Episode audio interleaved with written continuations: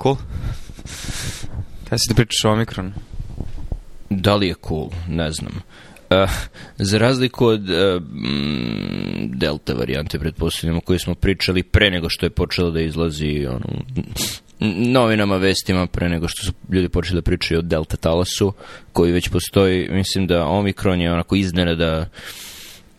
se pojavi i u e, naučnim izveštajima i u medijima i iznada da se pojavio i u e, raznim zemljama, ne samo u Južnoj Africi koja je jadna zamalo završila sa etiketom južnoafričke varijante iako su je oni prvi otkrili zato što imaju dobar sistem testiranja, a ne zato što se tamo prvo pojavila. Uh, Sada znamo da je u Velikoj Britaniji dosta raširena, ima više slučajeva nego ikada za vreme cele pandemije COVID-19, e, ima i u gomili američkih država. Mislim da nisam pročitao da se za sada da je za sada potvrđen neki slučaj u DC, u Marylandu ili Virginiji, ali to je zato što su DC, Maryland i Virginia jako loše što se tiče testiranja. Tako da, da ne bih isključio da je i ovde. I onda je pitanje da li ovo menja bilo šta u e, računici rizika, mera, kako živeti život i u, u pitanju toga da li se treba vakcinisati ili ne i da li imaš neka mišljenja na tu temu pre nego što ja kažem svoje. E, po pitanju toga da li treba se vakcinisati, ne mislim da se treba vakcinisati ako uopšte nisi vakcinisan. E, na osnovu što sam ja do sada video barem za sada u ovom trenutku ne, vi, ne viđemo veću stopu mortaliteta uzrokovano ovim sojem, čas, čak postoje indikacije da je u stvari manje patogen a, nego drugi sojevi, ali opet tu imaš i dosta kofalnih faktora u smislu više populacije vakcinisano, tako da ono što prolazi kroz populaciju, tako da ostaje da, ostaje da vidimo, ali nekako mislim da sada već zalazimo dve godine kasnije nakon ono, prvih slučajeva COVID-a objavljenih, jer mislim da su u decembru krenuli ono sa bilateralnim pneumonima u Wuhanu i nakon uspostavljene efektivne terapije, to jest efektivne vakcine, efektivne prevencije u roku od godinu dana, mislim da kalkulacija rizika i, i, i ono, rizika i benefita u ovom trenutku je drugačije nego što je bilo u martu prošle godine i da u skladu sa tim mislim ne iznenađuje me, ali me malo i iritira način na koji se ovo kojim se ovim rukovodi na javno zdravstvenom nivou. Mislim, nikao da imam neke pretrano dobre predloge, ali mislim da a, vreme će pokazati kako mnoge restriktivne mere u ovoj fazi a, pandemije gde imaš recimo više od 50% ljudi vakcinisanih i više od 70-80% starijih ljudi vakcinisanih, a, da mere potpune restrikcije izolacije populacije neto imaju veću korist, e, veću štetu nego korist. Što nije bio isto slučaj u martu prošle godine, pogrešno shvatiš, mislim. Da. Slažem se sa tim, ne bih rekao da nije toliko patogen. Mislim, ono što znamo je da e, postoji neki stepen imune evazije, odnosno izbjegavanja, izbjegavanja tako da vakcinisani, ako su izloženi omikron varijanti, veće je šansa da će dobiti, ili da će biti asimptomatski prenosioci ili da će dobiti simptome. Ti simptomi su kod, ne znam, 100% ljudi koji su vakcinisani mRNK er vakcinama e, blagi, tako da niko, niko neće biti hospitalizovan i to je ono što teši ljude i zato možeš da pomisliš, opa da, ovo je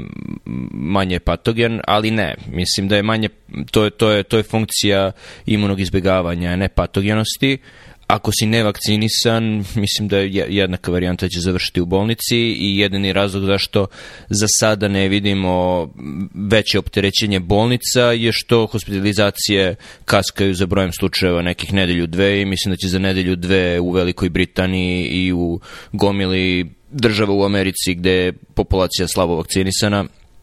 ćemo istu situaciju koju smo imali za vreme prethodnih velikih talasa sa preopterećenjem zdravstvenog sistema. Da, glas, znači HHS, um, američka varijanta Ministarstva zdravlja objavljuje podatke um, svakodnevno na svom sajtu, ima posebno sajt vezan za COVID i gledao sam baš po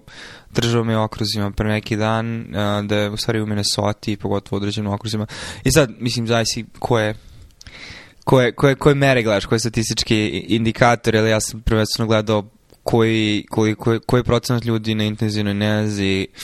a, sa covidom i koliko je procentualno kreveta zauzeto covid pacijentima na, na, na odeljenju, znači na inpatient floor.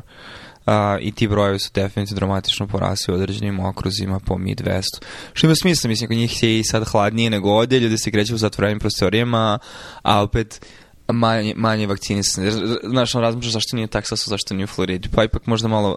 i kretanje ljudi u otvorenom versus zatvorenom prostoru um, utiče. Um, ali možda opet vidimo neke lagove, ali to je ono što kako ja vidim, mislim i to je problem kad imaš centralizaciju zdravstvenog sistema, što infrastruktura koja se razvila u prethodne godinu, dve dana možda nije najbolja za odgovore na a, nešto poput ovoga gde u okruzima ili teritorijama gradova gde imaš jako visok procenat vakcinisanih ljudi i ti možda imaš lokalnu vladu koja bi mogla da donese odluke o restriktivnim merama. U smislu, to lag vreme nije isto na svakom mesto. Znači, neko mesto to lag vreme je mesec, dva, imaš vremena pre nego što možeš da stvarno povučeš okidač i da kažeš, ok, ljudi, nemojte izlaziti iz kuće, versus da je onaj mali procent populacije vakcinisan, hladno je vreme, ljudi su zatvoreni prostorijama, ali ne, ne vidim kako to, mislim, to bi morali imaš jako odgovorne zvaničnike i ljudi koji donose odluke, koji se ne vode strahom i, i podsjecajem da li će biti izgubiti izbore na sledećim lokalnim izborima, a, nego zaista ljude koji imaju poverenje naroda, što mislim da u nijednoj državi, ne, je, u, u svakoj državi je erodirano. Um, da bi mogu da sprovodiš takve parcijalne mere, da kažeš, ok, ovde u ovom mestu, u ovom okrugu smo malo restrikovani zato što su intenzivne nege popunjene ili će biti popunjene za dve nedelje, ali ovde je ok da se krećemo i tako dalje. Mislim.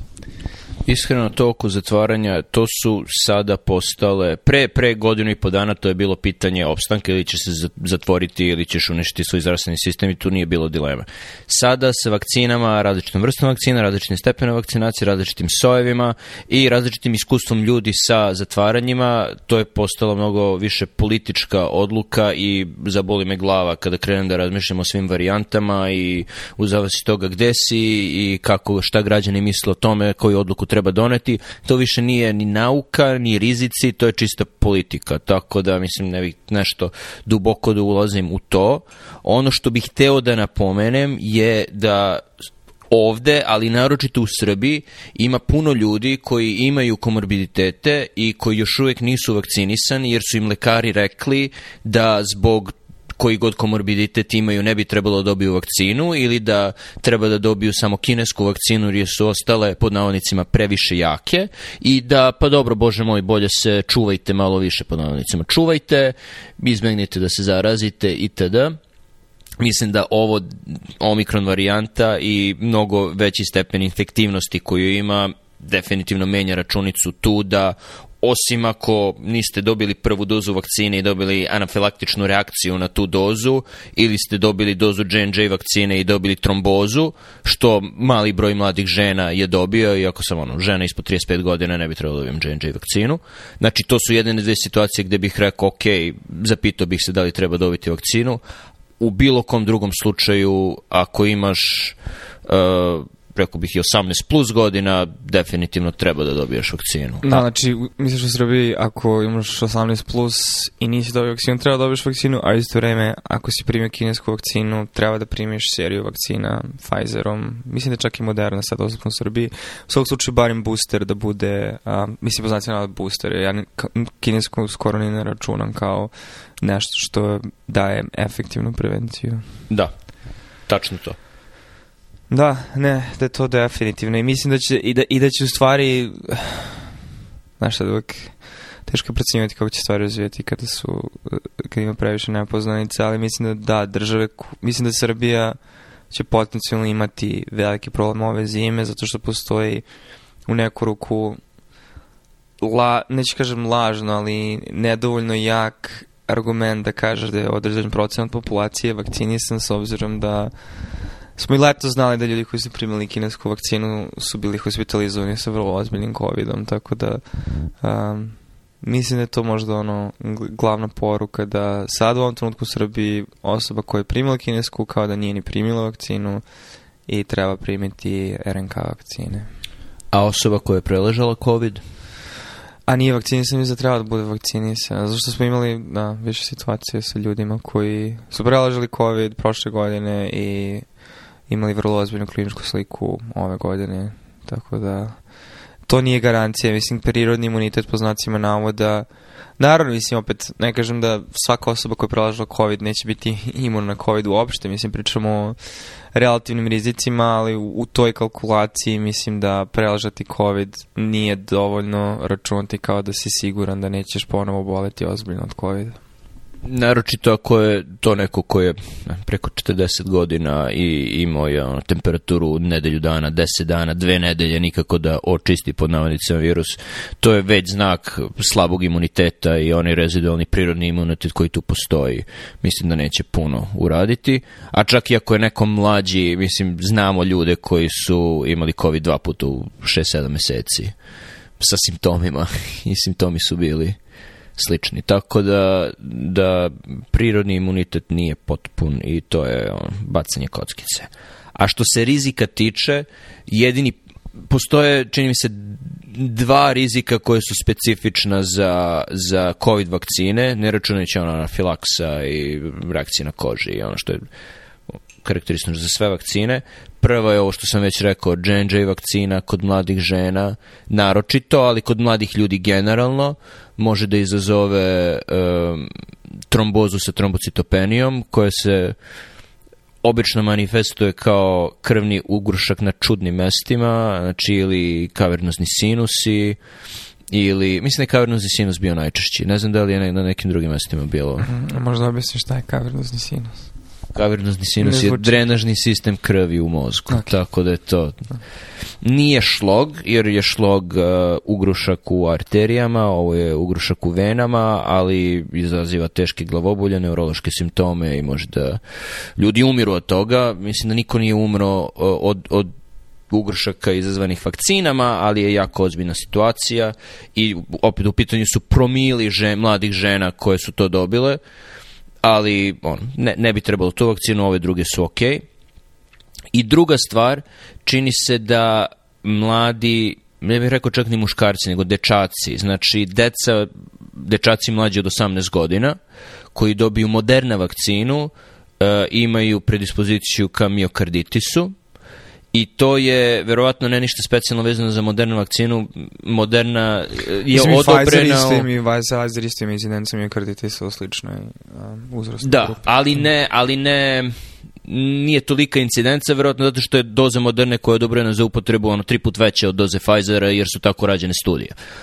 I da je, da je to razlog zašto ima više, veće učestvost kod moderne vakcine, ali u principu a, ako ste ono, dečak ispod 18 godina, sa prvom dozom je mala ili nepostojeća, obično je posle druge doze miokarditis. E, tu je onda pitanje, ono, tu bih postavio, mislim, kao roditelj pitam se kada treba vakcinisati decu i kako treba vakcinisati, vakcinisati decu i ako imamo potpuno vakcinisanu populaciju odraslih, da li vakcinišemo zdravu, negojaznu decu koja ne primaju lekove, ni za šta i nemaju nikakve faktore rizika, da li njih vakcinišemo za njihovo dobro ili za dobro opšte populacije i koja je etičnost vakcinisanja dece da bi, da bi spasao opštu populaciju. Ako već postoje drugi način da se opšta populacija spase, odnosno postoje način da se opšta populacija vakciniše, a ne deca. Da, slažem se. I to je ono što mi samo, mislim, ajde da ne primamo previše ono, da, zamućenu priču i, i, i sivu zonu, mislim, istina uvek subtilnije, ali ja sam um, razočaran nedostatkom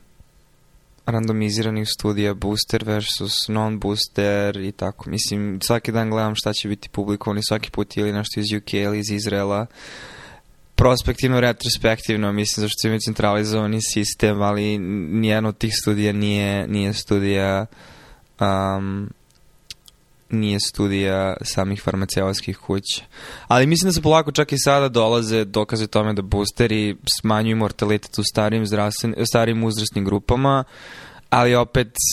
pričamo o relativnim rizicima i tako da ne bi da zalazimo u tu priču sada dok nemamo više podataka. Mislim. Da. A na pitanju, da, što se tiče opšte populacije, oni Financial Times grafikoni su jako dobri gde prikazuju smrtnost naročito između vakcinisanih i nevakcinisanih i tu se vidi mali, mal, malo uzlazna putanja i kod vakcinisanih kod smrtnosti od covid pošto se dešava naročito kod starih ljudi koji nisu dobili booster dozu, ali kod nevakcinisanih to je naročito sada sa omikronom vertikalna linija što se tiče incidence, a vidjet ćemo kako će smrtnost biti. Ali za vreme delta talasa bila je skoro vertikalna linija i, i po pitanju smrtnosti. Vastu teid ei veidi.